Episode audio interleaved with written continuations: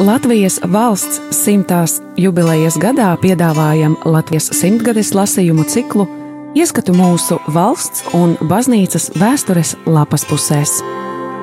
Julians Vaivots Septiņi mēneši Liepājas cietoksnī. No 1944. gada 9. oktobra līdz 1945. gada 9. maijam.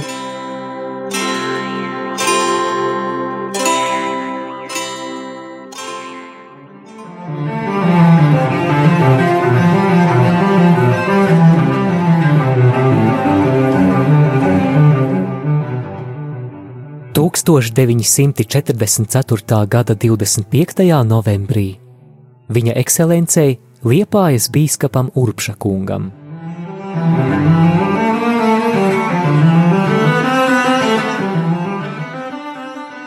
Jau iepriekš ziņoju par Ventspils prāvesta dauģa nāvi, kuru šodien apbedīja. Diemžēl bērēs nevarēju piedalīties. Apbedīšanā piedalījās trīs mācītāji dekāns Samušs, prāvests Birkovs un prāvests Upenieks. Šodien aizsūtīju dekānam vēstuli, kurā devu norādījumus attiecībā uz mirušā mantu. Vispirms liku dekānam pagaidām uzņemties prāvesta pienākumus Vecpils draudzē un mācītāju Birkovu pieņemt par vikāru. Baznīcas inventārs jāpieņem pēc pēdējā inventāra saraksta no privātās mirušā mantas izmaksāt algas dienestniekiem un personīgos daudzja parādus, ar pārējās mantas likvidāciju nesteigties, jo viņiem nav zināms testamenta saturs, un pie tagadējiem apstākļiem arī nav vēlams mantas pārdot. Otrakārt, liku dekānam pagaidām neliekt plebānijā dzīvot mirušā saimniecei, jo grūti tagad cilvēkam kaut kur citur pārcelties. Vispār nezinu, ko minētā saimniece tagad iesāks. Viņa ir jau vecs cilvēks un gandrīz pavisam darba nespējīga. Man tas viņai nekādas nevar būt, kā tās jau daudz nebija pašam prāvestam, sakarā ar saimniecības izpostīšanu pēdējos gados. Tāds jau ir vispār katoļu garīdznieku apkalpotāju liktenis. Līdz prāvests ir dzīvs, badā neviens nav nomiris bet pēc viņa nāves nav kas par šiem cilvēkiem gādā. Sevišķi traģisks ir vecu dienestnieku liktenis, kuri reizēm gadu desmitiem ir uzticīgi savam kungam kalpojuši. Tāpēc katra mācītāja pienākums būtu vēl dzīves laikā par tādiem večiem vai vecenēm padomāt, un pēc iespējas viņus arī nodrošināt. Bet kā to var panākt tādos apstākļos, kādus nu pat pārdzīvojam. Kūrijas kanclers.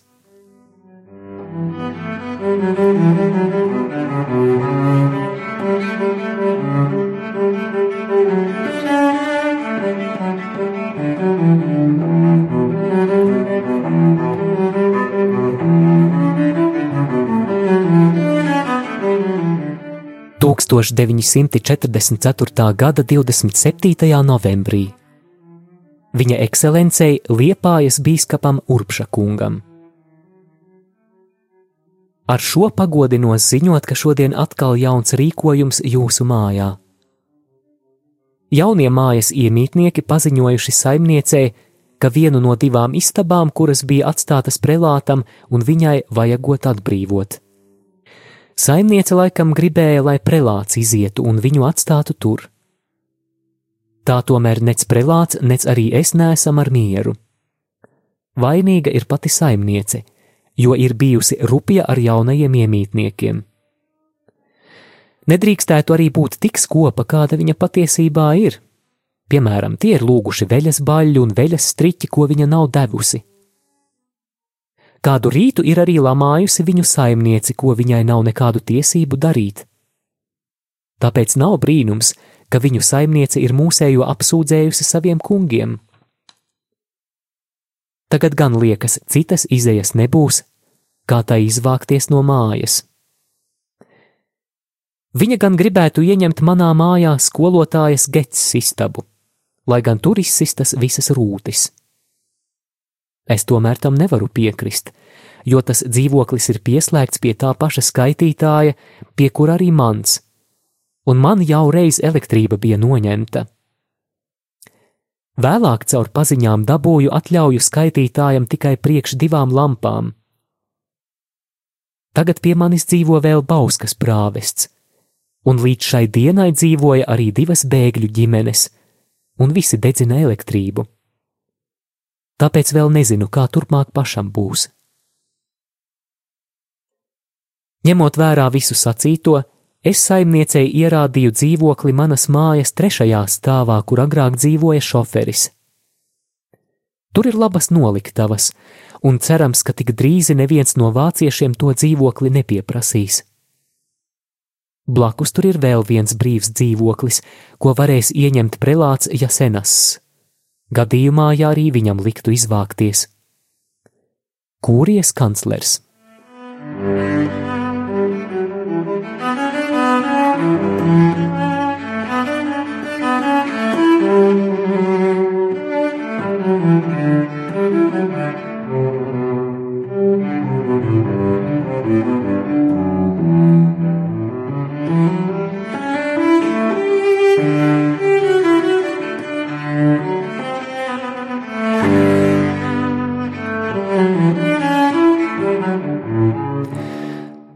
944. gada 29. novembrī viņa ekscelencei Liepājas bīskapam Urpšakungam. Ar šīs dienas ziņojumu man jākoriģē daži iepriekšējie ziņojumi. Šodien Liepājā ieradās dekāns Samušs un izrādījās, ka viņš uz vecpili nemaz nav aizbraucis, kā man ziņoja mācītājs Maskvitis pēc ierašanās no lēnām.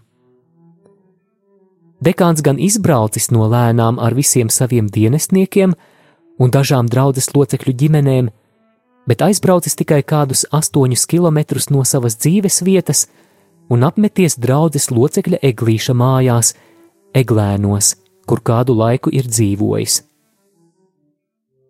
Kad šāvieni sākuši krist tuvumā, viņi visi ir pārcēlušies tālāk aizputes virzienā, kur pašlaik arī dzīvojot pie kāda luterticīga saimnieka, seši cilvēki vienā istabā.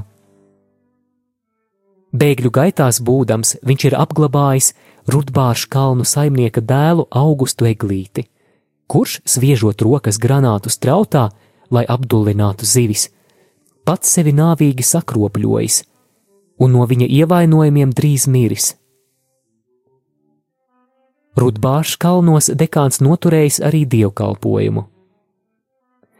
Tālāk man jums jāpaziņo, ka Samušs atveda uz liepāju visas ekscelences mantas, kādas bija viņa glabāšanā, izņemot sarkanās liturģiskās kurpes, kuras kāds kareivis vai virsnieks esot noturējis par naktskurpēm un kā tādas arī izlietojis. Prāvests Samušs tiešām ir rīkojies pašaizliedzīgi, jo nevarēdams paņemt savas mantas un tās atstādams ir izvedis visas jūsu, un arī dažas manas mantas. Labi, ka viņam izdevies sadabūt šādus tādus zirgus, jo viņa paša divus labākos zirgus lēnās nozaguši. Kūries kanclers. Thank you.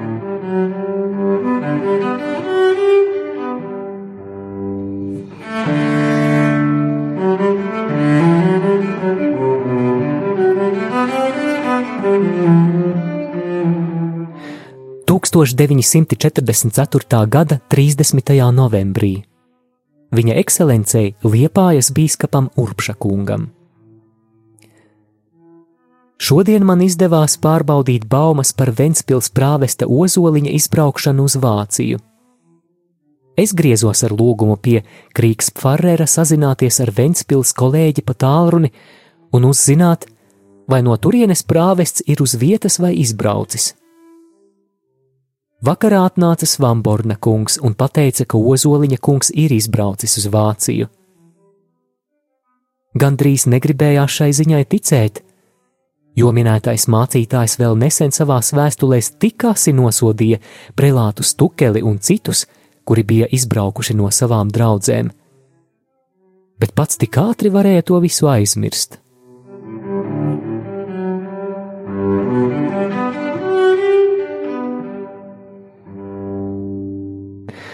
Kāds mācītājs svētdienās iebraucot Ventspīlī ar dievkalpojumu, bet pastāvīga draudzes gana tur nēsot. Liekas, ka citas izējas nebūs kā likt priekšā prāvestam Makskvitam braukt uz Ventspili un apkalpot turienes draugu, kamēr apstākļi viņam ļaus atgriezties uz savu agrāko bauskas draugu. Nezinu, kā viņš šo ziņu uzņems, un man būtu ļoti nepatīkami, ja viņš ar nepatiku to būtu spiests darīt. Domāju, ka ekscelence šī gadījumā neskatītos uz mācītāja nepatiku vai nērtībām, bet darītu to, ko atzītu par lietderīgu. Tāpēc esmu pārliecināts, ka sūtīdams Makskvitis kungu uz Ventspili, būšu rīkojies saskaņā ar ekscelences gribu. Kūrijas kanclers. Tūkstoš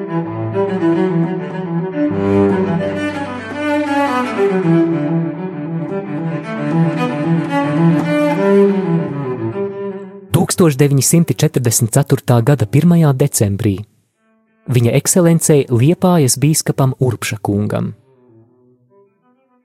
Pēc garākas vilcināšanās vakar izrakstīju prelātam Jasenasa kungam apliecību par nodarbinātību viceprāvesta amatā. Saprotams, ka tāda apliecība priekš manis nav izdevīga, jo palīgs ir pavisam niecīgs, bet skaitās, ka trešais mācītājs draudzē un pie tam vēl pavisam vecs un draudzes dzīvē nenozīmīgs. Kādā gadījumā vācieši tomēr var atsaukties, ka mācītājs te ir.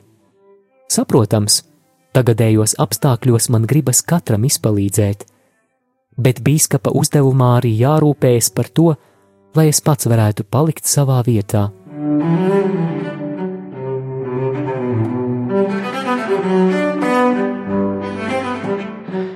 Ar minēto apliecību prelāts kopā ar Makskvitis kungu aizgāja uz darba pārvaldi, lai saņemtu attiecīgus dokumentus un pārtikas kartītes, kas viņiem bez šaubām arī izdosies. Maza gan tā deva tagad ir, jo dod tikai maizi un gaļas produktus, no kuriem vienu nedēļu var saņemt govs gaļu un otru zirga gaļu. Ne visi var to zirga gaļu ēst, un jāprot to arī attiecīgi pagatavot. Daži gan liekas, jau ir pie tās pieraduši un izteicas par viņu apmierinoši. Tagad vispār jauna kārtība produktu iegādē, jo visi lielākie uzņēmumi produktus izsniedz saviem darbiniekiem caur darba vietām. Kādam nolūkam jau daži uzņēmumi ierīkojuši savus pārtikas veikalus. Pārējie pilsētas iedzīvotāji produktus var iepirkt tikai vienā veikalā, kurā tie ir pieregistrējušies viena daļa privātveikalu ir spiesti likvidēties. Paliek tikai tie, kuriem ar komisāra pēdējo rīkojumu atļauts tirgoties, par ko viņiem izsniedz attiecīgu dokumentu. Kūrijas kanclers.